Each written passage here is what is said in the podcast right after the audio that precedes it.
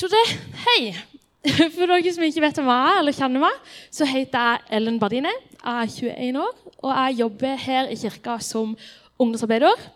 Det trives jeg veldig veldig godt med. Jeg elsker å henge med ungdommene. og ja, ja, Det trives jeg skikkelig med. Og jeg er da så heldig at eh, jeg skal få lov å tale for dere i dag. Det er stas og litt skummelt, men det blir veldig bra. Eh, og når jeg ble spurt om å tale, så fikk jeg da lov til å velge tema sjøl. Og er det noe som er aktuelt for meg nå for tida, så er det det å ta valg. For jeg er i en sånn periode, nå har jeg vært det i mange år nå, at i liksom denne perioden i vinter så eh, må jeg liksom ta et valg. Hva skal jeg det neste året? Hva skal jeg gjøre? Ja, hvilken skole? Hvor skal jeg bli? Og så tenkte jeg jeg kan ikke prate til voksne mennesker eh, om valg, fordi at eh, de vet allerede hva de skal bli. De, vet, de er store, så de vet hva de skal. Men så eh, Etter jeg hadde tenkt på det litt, så skjønte jeg jo at eh, valg handler jo mer om bare hvilken skole du skal gå på. Eh, og hva du skal når du blir stor. Men i helga så var jeg i hop med noen av ungdommene på Impuls. Det var veldig gøy. Og temaet der var utvalgt. Og hvert år når jeg kom i denne perioden der jeg må ta valg, så eh, tenker jeg på det. Hvor leder du meg, Gud? Jeg spør Gud, Gud, hvor er din vei videre for meg? Hvor er det du vil ha meg? Hvor er din vei for meg? Og så lurer jeg òg på er jeg utvalgt til noe. Kan Gud velge meg til noe? Jeg er jo sånn og sånn, eller jeg får ikke til dette og dette. Og jeg føler meg ikke alltid liksom, god nok eller kvalifisert vanskelig ord her, nok til det eh, han kaller meg til. Og så håper jeg liksom alltid at jeg skal få den der skriften på veggen eller veldig tydelig, sånn, veldig tydelig ledelsen sånn 'Dette er det du skal til neste år.' Og så er det jo dessverre ikke alltid sånn det er. Veldig sjeldent, faktisk. Ja, jeg tror bare før jeg liksom er ordentlig inn i talen, så tror jeg bare må be. Kjære gode Gud, jeg takker deg for at eh, du er Gud. Jeg takker deg for at du er trofast. Gud, jeg ber deg om at du bare skal tale gjennom meg. Bruk meg i kveld, Herre. Jeg ber om at du skal åpne hjertene og ørene til de som sier det her, Herre. I Jesu navn. Amen. I Bibelen, i som vi sa, Jesaja 43, 19, så stender det Se, jeg gjør noe nytt. Nå skal det spire fram. Merker dere det ikke? Ja, jeg lager vei i ødemarken og strømmer i ørkenen. Gud han lager en vei hvor det ser ut som det ikke kan være en vei. Og jeg skal fortelle dere en historie eh, ifra i sommer. Da skulle altså meg og min familie reise til Syden, til Spania. Der skulle vi sove i eh, pappa sin onkel sitt hus. Eh, og så skulle tante være med oss. Tante Ellen Merete, ja. Hun sitter der. ja, og det som da skjedde, folkens, var Tante hun hadde reist ned noen dager før, og så var hun i huset når vi kom. Eller det vil si, hun skulle være i huset, men hun satt utenfor. Eh, det som hadde skjedd, var nemlig at døra hadde gått i smekklås. Så hun satt utenfor. Og nå må jeg bare liksom legge litt sånn hvor vi var. For vi, vi hadde nemlig reist lenge. Vi var slitne. Vi hadde lang flytur. Vi hadde liksom mellomlanding og vært noen timer i London. og så Vi var slitne. Klokka var natt. Det var liksom, klokka var tre-fire på natta. det, var, det var kaos. altså. Så kom vi fram der, og så eh, er det jo Vi hadde en nøkkel, nemlig. Det var to nøkler. Og så tenkte vi vi skulle låse opp, men nei da. For der sto den andre nøkkelen på innsida av døra. Så derfor kom vi ikke inn. Vi prøvde alt. Vi leita etter alle dører vi kunne finne. Ingenting var åpent. Alle vinduer vi kunne finne. Ingen vinduer var åpne. Martin Johannes klatra opp eh, på alle terrasser vi kunne finne. Ingenting var åpent.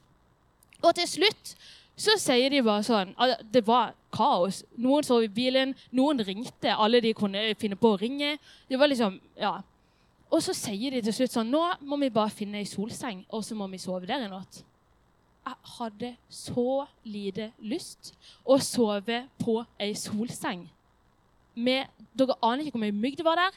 Og jeg var sånn Dette har jeg ikke lyst til. Så jeg hadde en sånn litt rar følelse i magen på at ok, vi har ikke, vi har ikke prøvd alt. Det må liksom Det er noe mer. Så jeg ba en bønn stille for meg sjøl. Det var ingen andre å få kontakt med av det jeg var rundt. så eh, jeg ba en bønn. Så gikk jeg liksom rundt hjørnet, og så ser jeg opp, og så er det liksom noe som er foran. Og så sa jeg det til de andre, og så var det et vindu bak det der teppet, eller hva det var. Sånn der trekk. Og Der var det et vindu. Vi hoppa inn, og vi fikk sove i ei seng. Det var nydelig. uh, ja. Så det fantes altså en vei inn, sjøl om vi lenge ikke trodde at det gjorde det. En annen som sto i en litt større krise enn å ikke komme inn i et hus i Syden, det var Det var Moses. Når han skulle lede israelsfolket ut av Egypt.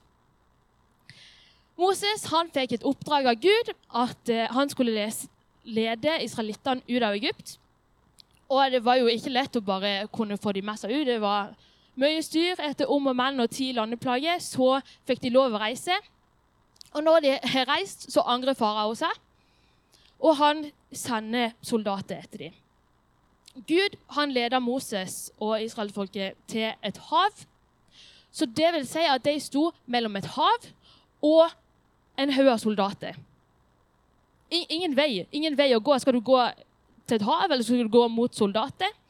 Altså, Hvis det hadde vært meg, så hadde i hvert fall jeg hatt full panikk. Mer panikk enn å stå utenfor et hus og ikke komme inn.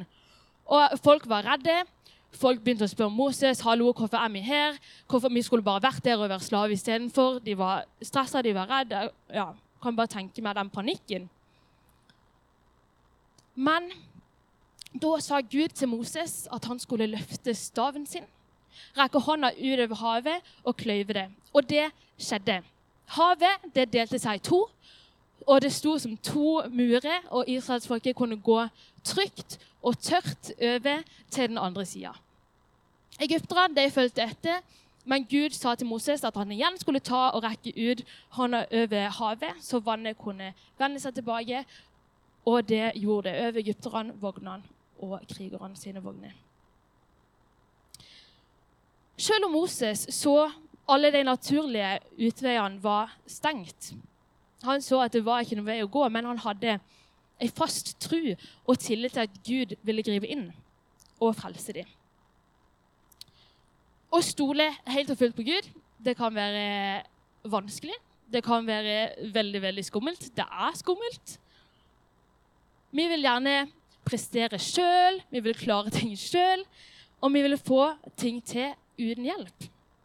Som mennesker så ønsker vi kontroll over våre liv.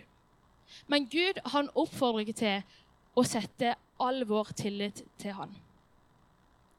I Salme 37, 37,5 så stender det Legg din vei i Herrens hånd, stol på Han, så griper Han inn. Og han griper ikke alltid inn sånn som vi tenker at han skal det.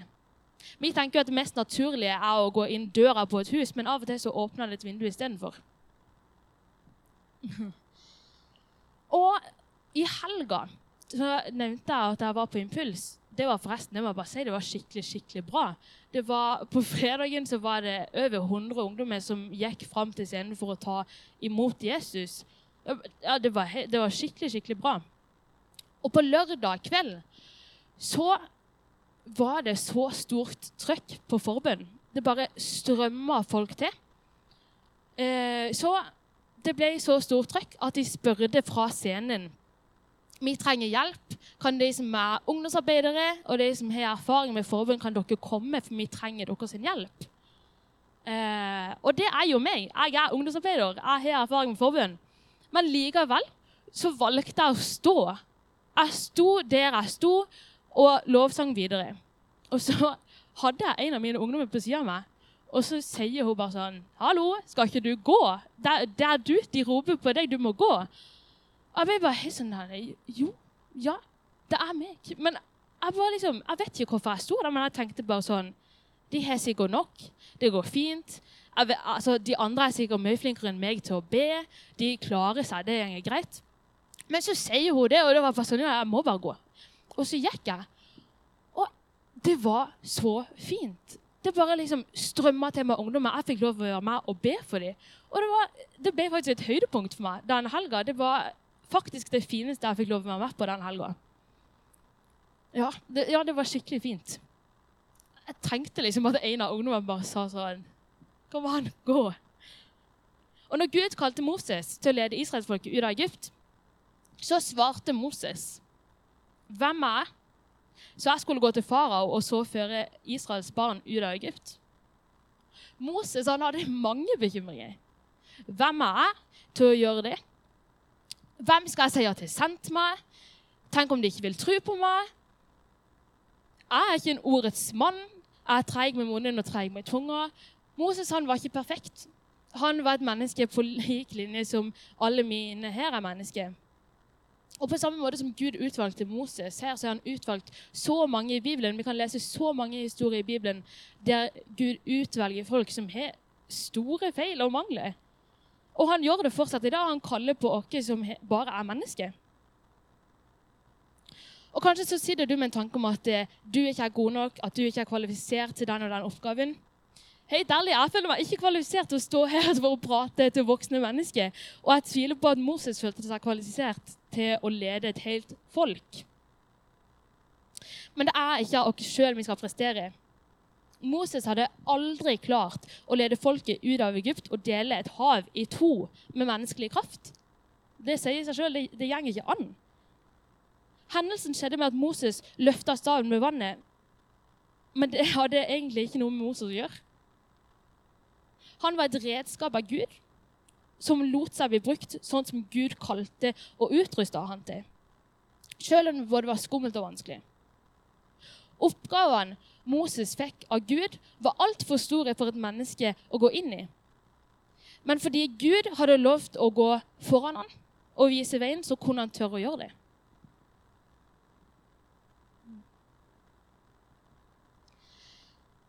For en stund siden så, så jeg et klipp eh, fra 71 grader nord. Et sånn reality-program. Kjendisversjon. Eh, og da var det da et lag på åtte stykk som hadde fått 800 kroner for å handle på en butikk. Og alle var liksom blitt enige om at sånn, ja, ok, vi går i hop.